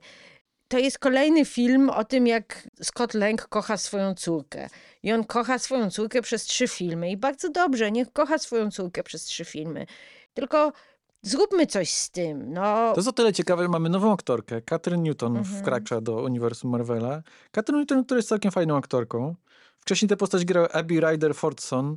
W pierwszym filmie siedmioletnia, w drugim filmie była trochę większa. Mhm. Potem mieliśmy jeszcze Emma, Emma Ferman, tak się nazywa aktorka, która zagrała w Endgame, w tej takiej krótkiej scenie, Tak, gdzie tak, Scott Land tak. odnajduje córkę po latach i, i to jest moim zdaniem smutne i, i, i przykre i, i paradoksalne, że ta Emma Ferman w tym Endgame miała dużo więcej do zagrania niż ma Catherine Newton w tym filmie. Tak. Chociaż Emma Ferman miała minutową scenkę do odegrania, natomiast Catherine Newton jest przez cały film i jest nominalnie jedną z głównych bohaterek i w zasadzie nic się ciekawego z tą postacią nie, bo- dzieje. Bo wiadomo, droga bohatera. Zazwyczaj jest tak, że bohater zaczyna film z, z jakiś i przez film się zmienia, bądź świat się zmienia naokoło niego i on się, ale w każdym razie uczy się jakichś nowych rzeczy, czy dowiaduje się czegoś ciekawego o świecie, o sobie, o... coś się zmienia, jakaś musi być zmiana nastąpić. Natomiast tutaj się nic nie zmienia. Znaczy, Scott kocha córkę na początku, Scott Mhm. kocha córkę na końcu. Scott y, właściwie kupuje kawę tak samo na początku, jak i kupuje kawę na końcu, tylko na końcu jest jeszcze przerażony, że może coś popsuł, ale w sumie to jest tylko przez 5 sekund, bo potem jakby wraca do swojego bycia zadowolonym ze z siebie. Może rzeczywiście jakby trafił do świata, gdzie jest chaos i rewolucja i on teraz bierze udział w rewolucji i nagle zaczyna dostrzegać, że w jego świecie też jest ciężko i też zaczyna pomagać ludziom bardziej niż robić sobie zdjęcia na ściance. Bo na papierze to ma iść w tę stronę. To się wydaje, że Tak. to idzie w tę stronę, że jest ten rozdźwięk pokoleniowy, że mamy Tak. nową wersję Scotta, któremu nagle sodowa uderzyła do głowy, który napisał Tak. swoją autobiografię, chodzi po jakichś telewizjach śniadaniowych i generalnie czuje się. No dobrze tak. jako taki celebryta. Y, Może dlatego też nie ma w filmie Michaela Penny i Davida Dasmalchana w tej jego poprzedniej roli, bo on jakby odciął swoich starych znajomych, Ale bo on to teraz... by można było też wykorzystać. Ale to jest wszystko potencjał na film, jasne. No. I wydaje mi się, wydaje się, że historia idzie w tę stronę, że Cassie będzie tą postacią, która go przywróci jakby do rzeczywistości, powie mu, że hej, hej, nie patrz tylko na siebie, hej, jest jakiś, jesteś super bohaterem, tu jest świat pełen Tak. nierówności, problemów i tak dalej, ja ci będę o tym przypominać. Trafiamy do wymiaru kwantowego, gdzie jest rewolucja i tak dalej i Scott nagle obudzi się w nim jakieś sumienie, tylko że nie budzi się w nim żadne Nie. sumienie. Jakby wciąż jego jedyną motywacją jest tylko Cassie, Cassie, Cassie, Cassie. Po czym, tak jak mówisz, wracamy do normalnego świata i wszystko zostaje Wszystko tak naprawdę jest- zapomniane. tak. Rzeczywistość została zrestartowana w zasadzie. Tak. Nie, i to też jest smutne, bo, bo na przykład ta rewolucja, Mhm. rewolucja socjalistyczna, którą określają, Mhm. tak, i te też, no to jakby nie widzimy tego w ogóle. Znaczy, poznajemy jakąś grupę rebeliantów, Mhm. a potem jest ta rewolucja, jakby nie widzimy ani jakiejś niesprawiedliwości społecznej. No kurde. Cassie, Cassian Andor, no proszę państwa, no ta, ja rozumiem, że tam jest Andor. Andor. No nie, ale że jakby to jest film o tym, jak jest ciężko mm, człowiekowi żyć pod butem reżimu, no, w fantastycznym świecie, gdzie są dziwne stwory i czy latające statki.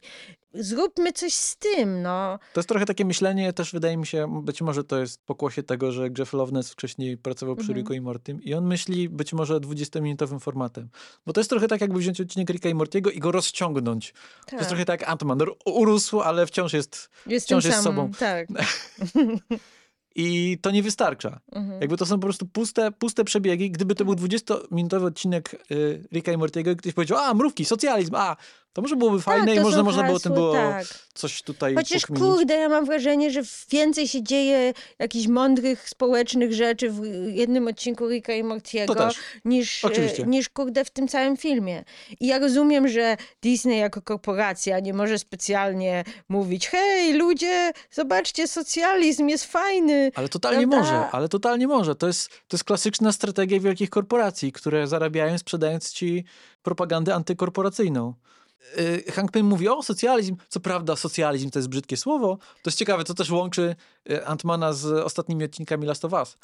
E, gdzie, gdzie też ludzie mówią, o socjalizm, no To jest amerykańska rzecz, że oni uważają, że socjalizm to jest brzydkie słowo. No i to jest tak jakby jakaś taka kampania, żeby przywrócić Mhm. słowo socjalizm do łask. Tak, ale chodzi no. o to, że niby ten socjalizm jest pochwalony i te mrówki są tą taką metaforą jakiegoś takiego Deus ex machina mrówki. Deus Ex Machina mrówki do swoją drogą, ale chodzi o to, że cała ta, cała ta rewolucja odbywa się gdzieś indziej. Odbywa Tak. się w jakimś wymiarze kwantowym, Po- po czym wracamy do naszej rzeczywistości i spoko, I nie? wszystko Żyjemy dalej tak, niech, jak było niech ci wcześniej. bezdomni mieszkają w tym parku, prawda, w San Francisco.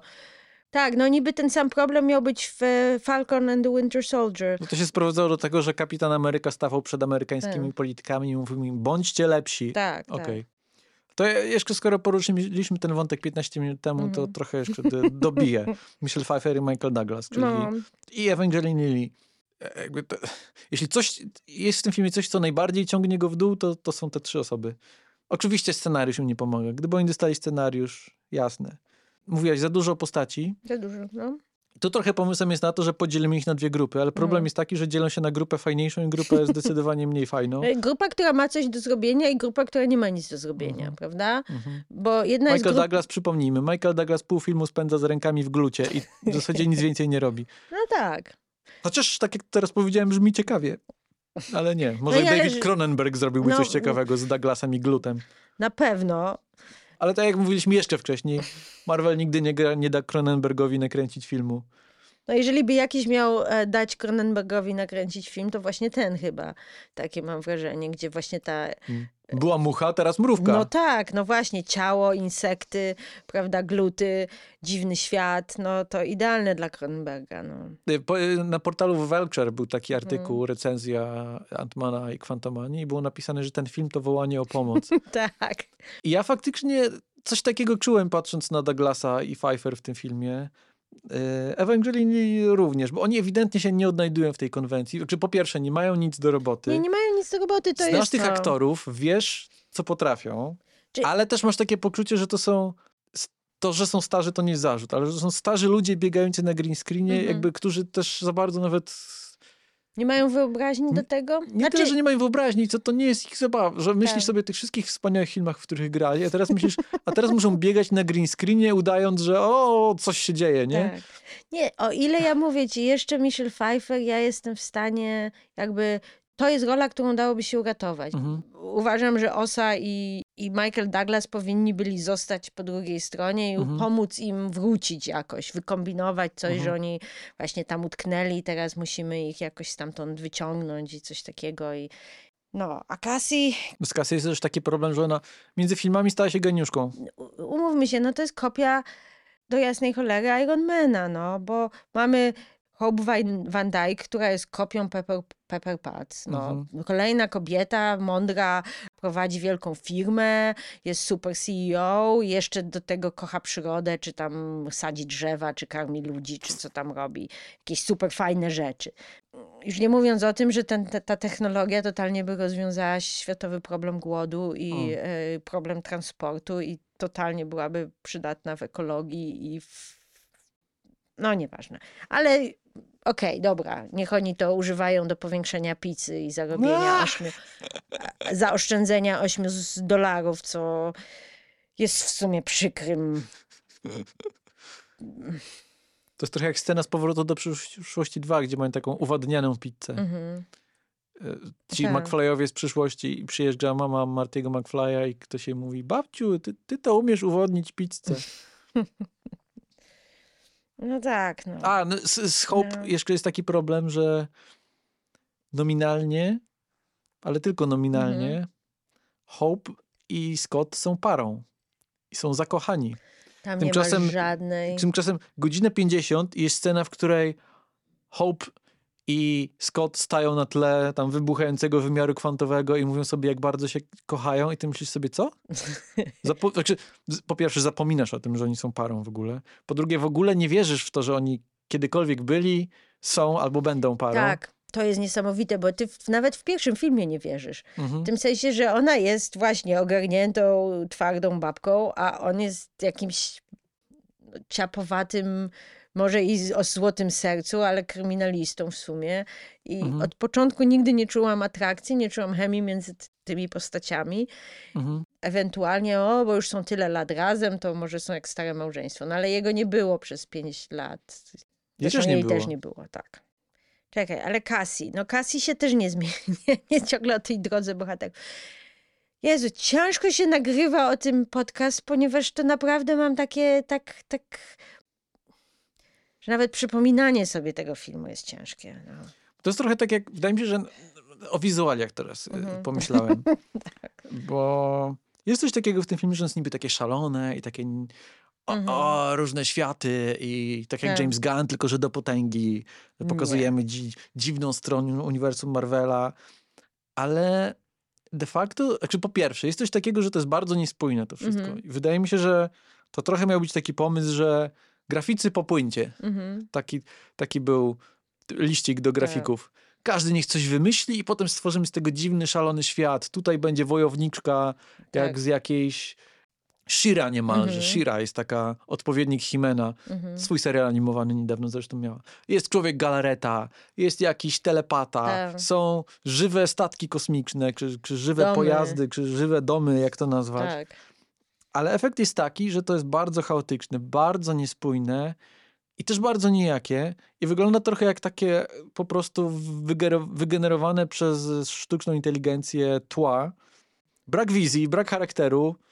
I z całym filmem trochę takie. Nie, że po prostu są różne rzeczy, które. Niektóre z nich są fajne. Okej, G- galareta, która nie ma dziur i marzy o tym, żeby mieć dziury, jest to śmieszny żart. Tak. To, że piją ten jakiś dziwny napój, żeby zrozumieć ich język, to jest śmieszne, ale to jest, to jest wszystko tylko faktura. To, to jest na zewnątrz. To są jakieś Tak. takie śmieszne żarciki wymyślone na pokrokaniu pewnie, Mhm. rzucone. Śmiejesz się przez 10 sekund, znowu spojrzałem na zegarek. 10 sekund śmiechu, a potem jesteś znowu z tymi bohaterami w tej Mhm. nieciekawej historii, z, z tymi niedopisanymi bohaterami, jakimiś fałszywymi stawkami i historią, która w ogóle cię nie interesuje. Tak jest. Na szczęście jest Jonathan Majors. No tak, już żeśmy troszeczkę o nim powiedzieli na początku.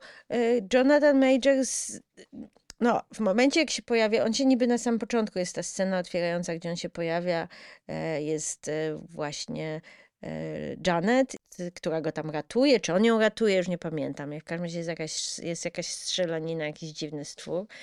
Ale jeszcze jedną rzecz się do tego świata ci chciałam się, bo teraz sobie pomyślałam, że przecież jakby nie masz wytłumaczone, dlaczego w ogóle tam jest jakieś życie w tym świecie kwantum. Ja rozumiem, że może nie musi być. I że A to dlaczego może jest nie życie jest... w naszym świecie? Dlaczego jest życie? Albo dlaczego? To jest pytanie. Kurde Boże. Czemu Kevin Feige nam tego nie wytłumaczył? Przepraszam, teraz się nie, śmieję, no ale, śmiejesz się, ale, bo ale wydaje mi się, że wiesz, nie na tym polega problem. Ja wiem, że no. nie na tym polega, ale tak sobie pomyślałam, że oczywiście, ale w lepszym filmie byśmy się nie zastanawiali, dlaczego No tak, bo nie wiesz, masz są robić. kosmici, więc- prawda? Tak, a tu myślisz sobie, skąd się ci, ci ludzie wie, czy oni tak spączkowali, czy to jest jakaś planeta, czy oni są uchodźcami, czy oni tam wylądowali jak, jak właśnie Jonathan Majors, czy, czy W wymiarze Janet. kwantowym No, e, rozmnażają się ludzie przez pączkowanie, no wiadomo. nie, ale, ale wiesz, no jakby... Czy to są wszystko uchodźcy, którzy tam przyjechali, czy jakby zostali zesłani, czy wpadli, czy z jakichś powodów? No jakby, nie wiem, strasznie dużo tam jest różnych, bo są w końcu te mrówki, które stworzyły tam, prawda, inteligentną cywilizację socjalistyczną, czy coś takiego. Dobra, Ale jest Jonathan Majors. Jonathan Majors. Jonathan Majors. Pojawia się i jest po prostu najbardziej interesującą osobą na ekranie. No. I myślisz sobie, wow, fajnie. W końcu jest jakiś villain, który jest ciekawy i ma jakąś ciekawą historię i wszyscy się go boją i rzeczywiście jak się pojawia, bo to też jest coś takiego, że często jest tak, że mówi się długo o jakimś bohaterze i potem on się pojawia i czasami jest tak, że a, naprawdę? To jest ten taki wielki, wspaniały albo inteligentny, albo charyzmatyczny ktoś, a tutaj on się pojawia i on jest wielki, charyzmatyczny, niebezpieczny, groźny i przykuwa uwagę i kradnie każdą scenę. No. Chociaż wciąż trochę to robi wbrew scenari- scenariuszowi, w Tak, sensie no. ponad chodzi. Chodzi o to, że on To- jest świetnym aktorem po prostu. To jest Jonathan Majors, a, a nie Jeff Loveness, ani Tak. Peyton Reed, e, reżyser. Także oni Tak. mu może nie przeszkadzają, więc Mm, tyle dobrze z ich strony. tak. Ale to jest większe... Majors ma to w każdej roli, w której go dotychczas chyba widziałem. On ma jakąś taką niesamowi... niesamowite takie skupienie i taką ekranową prezencję. Mhm. No i w postaci Kanga to, to super procentuje, bo dodaje mu to jakiś taki patos, ciężar gatunkowy, zwłaszcza jeśli jest przeciwstawiony Polowi Radowi, który jest bardzo sympatyczny i, i to jest jego główna Tak. zaleta, więc to od razu widzisz jakby te Mhm. inne potencjały. Tak. Tak jakby wiesz, jest śmieszny, śmieszny Paul Rudd, a tu Mhm. nagle postać większa niż życie Tak. i groźniejsza niż cokolwiek innego. I fajnie, fajnie Majors to też na takim poziomie ciała i pracy z ciałem wygrywa, Tak. że on jest taki bardzo skupiony, bardzo taki takie tak, ma oszczędne ruchy. oszczędne ruchy, Tak. jakiś taki smutek w nim czuć, takie Tak. opanowanie, ale też jakby znudzenie, kiedy on siada na tym swoim tronie, tak. trono statku, to siada w jakiejś takiej pozie niemalże znudzonej, Mm. zmęczonej. I to, to fajnie ci buduje zaplecze dla tej postaci, że widzisz, że to jest facet, który wszystko już widział, widział wszystkie czasy, wszędzie był. To jest świetny ten dialog, gdzie on mówi, ja jestem Ant-Man, ja jestem Avengersem, a, a Jonathan Majors, nie zabiłem cię już kiedyś? Avengers coś, Tak. coś gdzieś było. Coś gdzieś było. Nie wiem, no gravitas jest takie Mhm. a- angielskie słowo. No prezencja ekranowa, no cokolwiek. No Oczywiście, to... oczywiście problem zaczyna Mhm. się na etapie finałowych starć, gdzie nagle ten fajnie zbudowany Kang musi strzelać promieniami z rąk.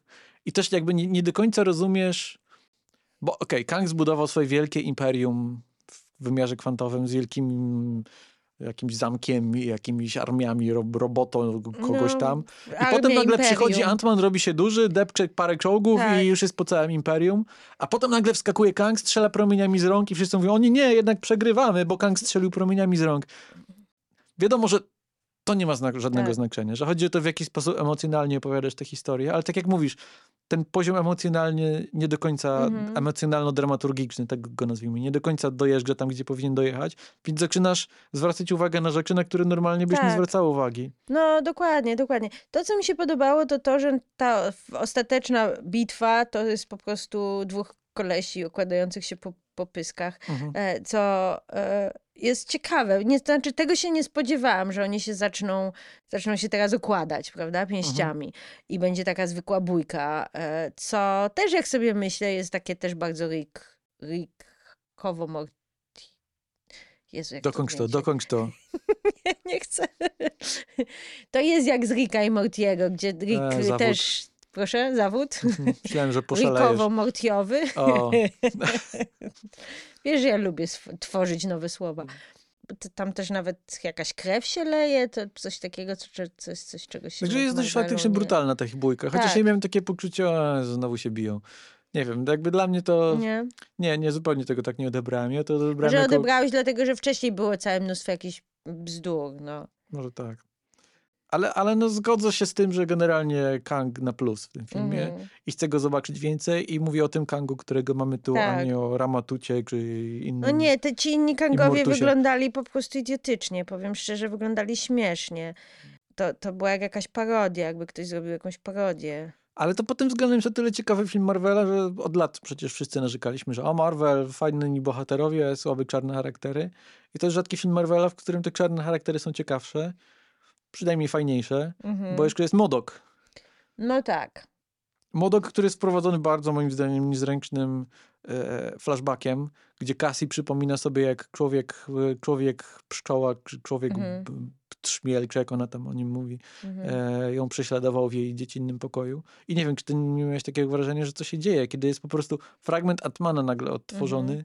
w taki bardzo jakiś taki Ja, Ja byłam- rozumiem, że na tym polega retrospekcja, Tak. że puszczamy kawałek innego filmu, ale to jakieś takie bardzo mi się wydało ciężką ręką podane, bardzo jakoś tak nie, nieelegancko. Mhm.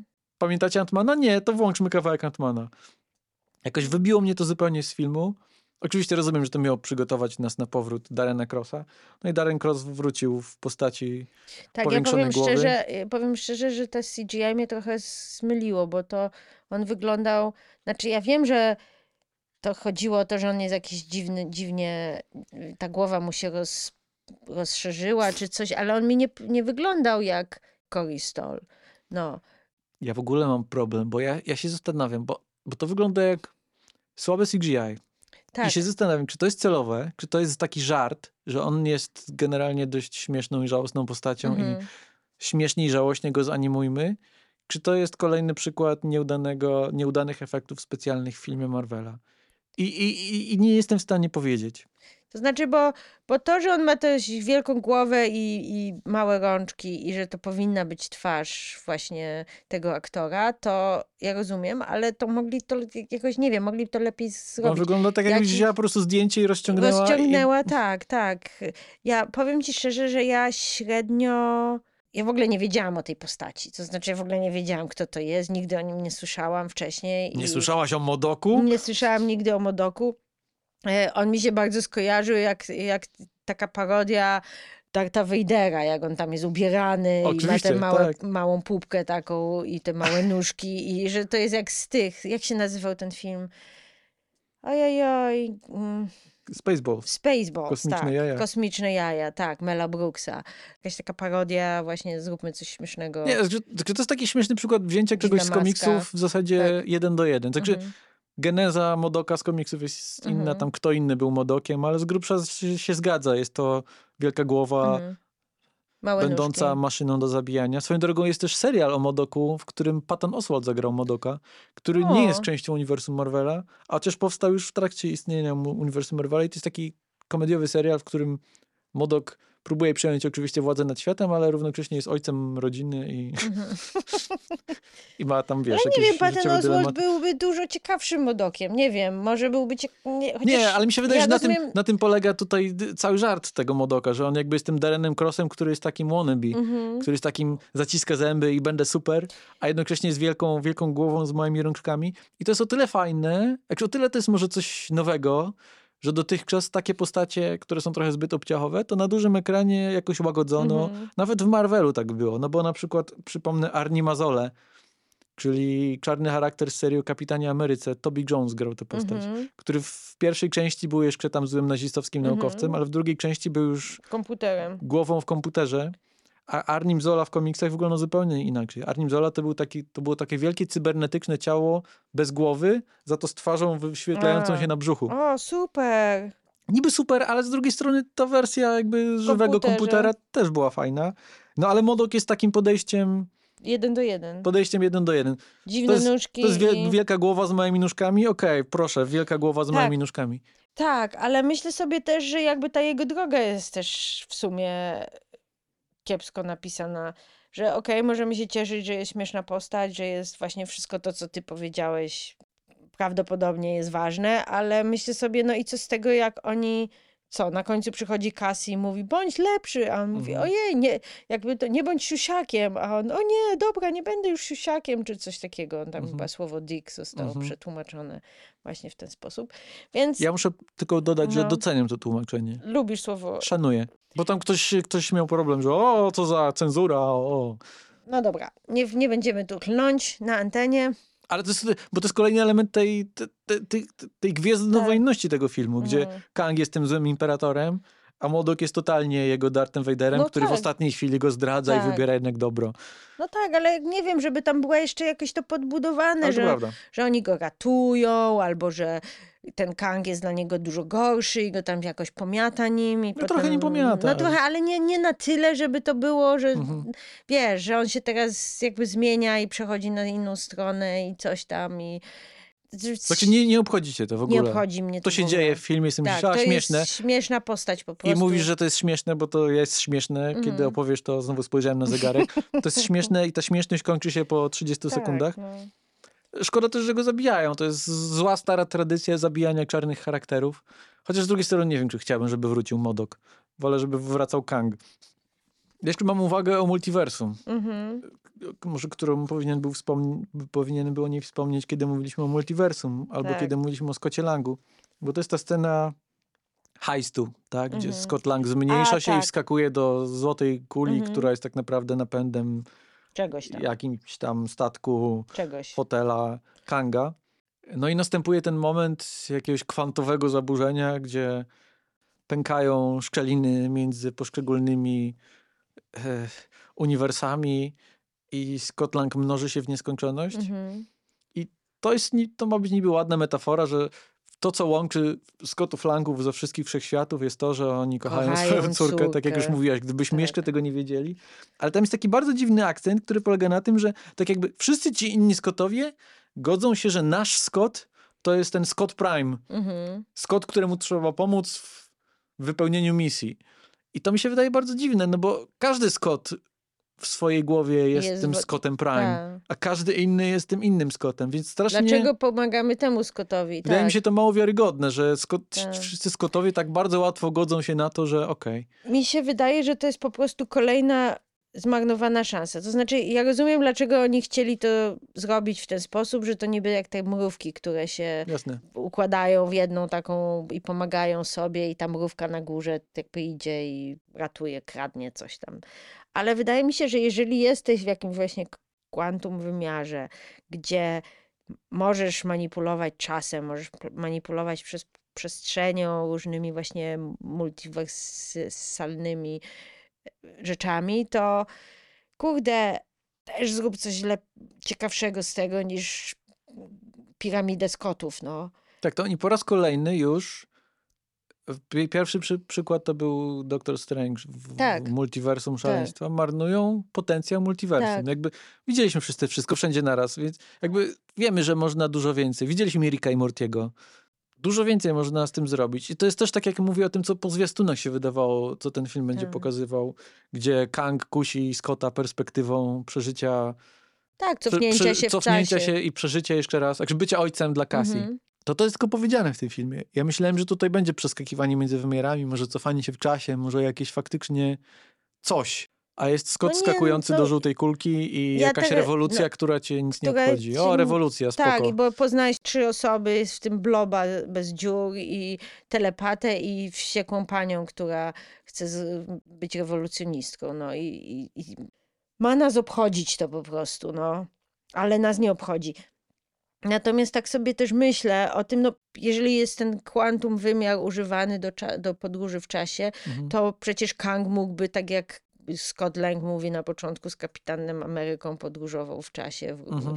żeby zrobić heist jakiś tam. Jasne. Ten, to dlaczego Kang mu nie każe tego zrobić, bo Cassie, nawet niech już tą trzyma tą Cassie w więzieniu i ta Cassie, albo ta Cassie ma mu, miałaby pomóc i nie wiem, 15 tysięcy rzeczy można by, się, można by się tym zabawić i też właśnie fajnie by było, żeby oni coś popsuli. I, a tutaj mam wrażenie takie, że to się też kończy tak, że Cassie znowu otwiera ten wymiar i oni normalnie sobie przechodzą. Kang Mhm. jest pokonany. A co by było, gdyby ona otworzyła ten wymiar wcześniej, zanim ten Kang został, został pokonany? Mhm. Prawda? Że on by się mógł wtedy też wymknąć i ona też ryzykuje. Mhm. Jakby, nie wiem, albo byłoby może fajnie, gdyby oni zostali jednak w tym wymiarze. Nie wiem, cokolwiek. A nie, że takie Mhm. wszyscy jesteśmy szczęśliwą rodziną znowu. Jemy niedobry tort. Zmarnowany potencjał. Mówię ci, że ten film jest złamał. I to też nie jest tak, że nie będę oglądać innych film, filmów Marvela. No będę, no. No co tu dużo mówić. Tym bardziej, że następny w kolejce to są Strażnicy Galaktyki tak, 3 i no. akurat wydaje mi się, że Jamesowi Gunnowi można ufać. Chociaż, e, tak jak już mówiliśmy w tym podcaście, to chyba oboje nie przepadamy za drugą częścią tej serii. No ale wciąż, wciąż No, ale James lepsza Gunn- jest, kurde, jest 10 razy lepsza niż ten film, no. Tam jest o rodzinie i o tym, że się kocha tatę i, Hmm. i czy tata kocha ciebie i co się zrobi dla swojej rodziny i kto jest twoją rodziną, no. I dziwne stwory. Wiem, że po to Marvel teraz kręci słabsze filmy, żebyś mogła docenić ich filmy, które dotychczas uznawałaś za słabsze. Ale wiesz co, ja naprawdę doceniam, bo y, przed y, Czarną Panterą obejrzałam sobie pierwszą Czarną Panterę, Przed drugą przed Czarną drugą Panterą. cza- Czarną Panterę, a powiedziałam pierwszą. Mhm. I naprawdę 10 razy bardziej doceniłam ten film, No mimo że to nie był mój ulubiony film. Ale to czekaj, to teraz musimy się bać tych jeszcze gorszych filmów, które mają sprawić, żeby spodobały nam się te słabe filmy z teraz. O nie. Ant-Man 5 będzie tak beznadziejny, że docenisz A Quantumanię. będzie, będzie Ant-Man 5, myślisz? Bo Będzie niby- po Ant-Manie 4, jasne. Nie, bo oni niby robią trylogię, prawda? Trzy Ironmany, trzy Kapitany Ameryki, no Tory były cztery, ale też Chris Hemsworth teraz jakby coś mówi, że on już też ma dosyć. Więc jak już Chris Hemsworth odejdzie, to już nikt nie zostanie z tych starych ludzi. No kto tam jest liderem, powiedz mi? Kto jest teraz takim liderem, gdzie właśnie będą Avengersi i sobie po pomyślisz, okej, dobra, to jest osoba, która przewodzi. Captain Marvel? No nie wiem, no będzie ten, przenieśli ten film z lata na, na listopad chyba, czy tam na październik. Czekasz na ten film? Potem się okaże, że pierwszy Captain Marvel był świetny po obejrzeniu tego. Nie, pierwszy Captain Marvel był całkiem okej, moim zdaniem. No nie przypadam. Też nie uważam, że to jest jeden z lepszych filmów Marvela. Ale nie z tych powodów, co wszyscy. Ale to raz, że nie z tych powodów to wszyscy, ale też nie uważam, żeby był w tej dolnej stawce mimo Mhm. wszystko. Ale no tak trudno mieć nadzieję no, te, po tym, co ostatnio się dzieje. Nie wiem, bo ale czy jest jakiś taki projekt, no dobra, powiedzmy ci Strażnicy Galaktyki, ja to jestem ciekawa, chociaż też się, boję, że będą torturować biednego Roketa i że będą to nam pokazywać, nie chcę tego oglądać, ale czy jest jakiś film, czy jakiś projekt, jakiś serial, na który czekasz? Że myślisz sobie, ej, kurde, chcę to zobaczyć? X-Men. No dobrze, ale to będziesz miał za 10 lat dopiero, czy za ileś. Nie wiem, Blade? Nie. Ja, ja nie jestem fanem też Blade'ów z Wesleyem Snipesem. Nie jestem fanem Mhm. tej postaci za bardzo, więc to nie jest coś, na co czekam. No ja E, lubię y, Mahershala Ali po prostu i Wiesz, co bym chciał zobaczyć? Chciałbym zobaczyć, to jest dziwne, to jest bardzo, bardzo Mhm. takie trzecioplanowe, powiedzmy. mhm. Chciałbym zobaczyć, jak Kit Harington wreszcie stanie się czarnym rycerzem, O. bo wydaje mi się, że to, to mogło być coś ciekawego, chociaż oczywiście oni to zepsują i to nie będzie ciekawego. Pewnie pojawi się w jakimś serialu. Mm, W każdym razie tak. Kit Harington jest bardzo każdym razie dobrym po Eternals to jest coś, co chciałem tak, zobaczyć po Eternals. Po Eternals chciałem zobaczyć więcej Kita Haringtona. Tak, tak, bo Kit Harington jest naprawdę dobrym komediowym aktorem. On jako Jon Snow, który jest cały czas smutny i nic nie wie, może dawał mylne wrażenie, że jest nieciekawym aktorem, a on jest e, super zabawny. E, Poza tym X-Men. No ja rozumiem. Ja rozumiem. A których X-Menów byś? Wszystkich, czy... Z X-Men jest taki problem, że X-Men to jest w zasadzie takie uniwersum w uniwersum. Mhm. Że X- samych X-Menów jest na tyle dużo i oni są na tyle samowystarczalni, że w zasadzie lepiej funkcjonują, kiedy nie miesza się ich z całą Mhm. resztą uniwersum Marvela, więc to jest jakaś poważna zagwozdka, którą tutaj Kevin Feige będzie musiał jakoś przetrawić. A myślisz, że oni pójdą w taką stronę, że wszystko musi się łączyć? No, Ja rozumiem, że teraz one idą w taką stronę, że wszystko się łączy, ale że może, może się okaże, że, no że jest... fajniej będzie działać coś, że jest Nie, coś to jest osobno. Marvel. Nie, nie, nie, to jest Marvel. To na tym polega różnic, różnica między Marvelem a DC, że Marvel zawsze wszedł w to i to jest główna definiująca cecha Marvela. A, A wydaje mi się, że DC na przykład, wbrew temu, co robi James Gunn teraz, nie powinni zupełnie budować uniwersum. Tym bardziej, że im się to No ale- nie udało. Mhm. Historycznie też. DC się lepiej sprawdzało jako pojedyncze historie, tak naprawdę. Mhm. Tak mi się wydaje. Kiedy spojrzysz na przykład na komiksy DC, to masz cały szereg pojedynczych, jednotomowych historii, które są Mhm. absolutnie klasyką gatunku od Watchmenów przez Mhm. Mrocznego Rycerza Franka Millera i tak dalej, i tak dalej, i tak Mhm. dalej. Natomiast Marvel to jest głównie uniwersum i No dobra, ale czy James Gunn rzeczywiście robi uniwersum, czy James Tak. Gunn po prostu Nie, robi James jakiś Gunn- reboot, jakiś... James Gunn robi i uniwersum, i osobne filmy. No bo będzie, będzie uniwersum, powiedzmy, Jamesa Gunna, ale No będzie mimo to Batman. będzie Joker, tak? Będzie Batman Mata Reevesa, Mhm. będzie coś tam jeszcze i to nie będą rzeczy połączone z uniwersum, ale w związku z tym będziesz miała dwóch różnych Batmanów na przykład i spoko, czemu nie? Wybierz sobie swojego ulubionego Batmana. Ja mogę z tym żyć. Jak wiadomo, w DC, żeby projekt się sprzedał, musi w nim być Batman, więc od teraz będzie Batman wszędzie. Mamy No film o tak. Flashu, którego główną atrakcją jest Batman. Mhm. Dwóch Batmanów Michael nawet. Keaton, daj spokój. A tam Ben Affleck też jest? Tak. A, wow. A podejrzewam, że może być ich jeszcze więcej. Myślisz, że będzie więcej Batmanów? Myślisz, że to będzie jak Spider-Many? No, totalnie. Wszystkie i jest, co? Ale że. Christian, myślisz, że Christian Bale Nie, myślę, że Bale nie. Chociaż kto tam wie. Na pewno, na pewno jest jeszcze jakieś ukryte cameo w tym filmie. Na pewno jest coś, czego nie nagłośnili. Ktoś, kto pojawi się tylko na jedną scenę. George Clooney. Adam West jeszcze żyje? chyba tak. Chyba nie. A może? Hmm. Tym optymistycznym. Zostawiamy was z tym pytaniem. Nie, żartuję. Tak, bo tak bardzo nam się nie chce gadać o Quantumanie, że zaczęliśmy już gadać o DC. Tak. Fajnie jest żyć nadzieją, że będą jakieś fajne rzeczy, no. Ale ja I powiem ja tyle. trochę- Złe filmy też trzeba oglądać. Ojej, no to ja wiem, że ja wiem, że Więc to jest idźcie na Quantumanie. Ja wiem, że to, był, to była puenta naszego poprzedniego podcastu. Ja powiem tak, to naprawdę nie jest najgorsza produkcja z tych ostatnich Nie, produkcji nie. DC, Boże DC, Marvelowych, ale ja chcę coś fajnego. A może Harrison Ford zbawi uniwersum Marvela? A czemu Harrison No Ford? przecież przejął teraz po Williamie Hercie rolę pułkownika Rossa. I w filmie Kapitan Ameryka, Captain America New World, New World Order, czyli Kapitan Ameryka 4, Harrison Myślisz, Ford będzie prezydentem Stanów Zjednoczonych. I prawdopodobnie zmieni się w czerwonego Hulka. Uu, czy on jest, y, będzie na Air, Force One też latał i mówił get off my plane? Myślę, że, to myślę, by było... myślę, że to jest taki klasyczny metacasting, że jasne. Mm, widzisz, będzie się działo. No będzie się działo. Czekamy. Nie, Trochę bo mniej ja niż kiedyś, ale... Trochę mniej niż kiedyś. Nie wiem, ja tak sobie myślę, może ten przyszły, ten kolejny odcinek Lokiego, bo ja jednak lubiłam elementy Lokiego. A, te- a to jeszcze jedna uwaga. Nie masz wrażenia, bo to scena, druga No. scena po napisach No Fantomanii, która ewidentnie jest po prostu sceną z Lokiego. To Mhm. nie jest jakaś specjalnie Tak. nakręcona na potrzeby tego filmu scena, tylko to jest po prostu de facto fragment Mhm. serialu. Nie masz wrażenia, że tak patrząc na sam, Mhm. samą fakturę obrazu, że to wygląda bardziej filmowo No niż tak. cała Kwantomania? No nie, no bo Kwantomania naprawdę wygląda green screenowo, no. Mhm. Że okej, dobra, szalona wyobraźnia, neonowe kolory, wow, wow, wow, ludzie gluty, czy tam gluty, gluty, ale właściwie wszystko wiadomo, że oni stoją na green screenie i O, ale przypomniało mi się, no. co mi się ostatnio podobało od Marvela. O, W zeszłym roku podobały mi się oba ich holiday speciale. I ten halloweenowy, czyli Wilkołak nocą, mhm. i ten bożonarodzeniowy, czyli Strażnicy Galaktyki, coś tam, coś tam, Boże Narodzenie, coś tam. Oba były bardzo fajne i myślę sobie, że może to jest kierunek dla Marvela. To jest tylko godzina, nie zabiera to ci wiele czasu.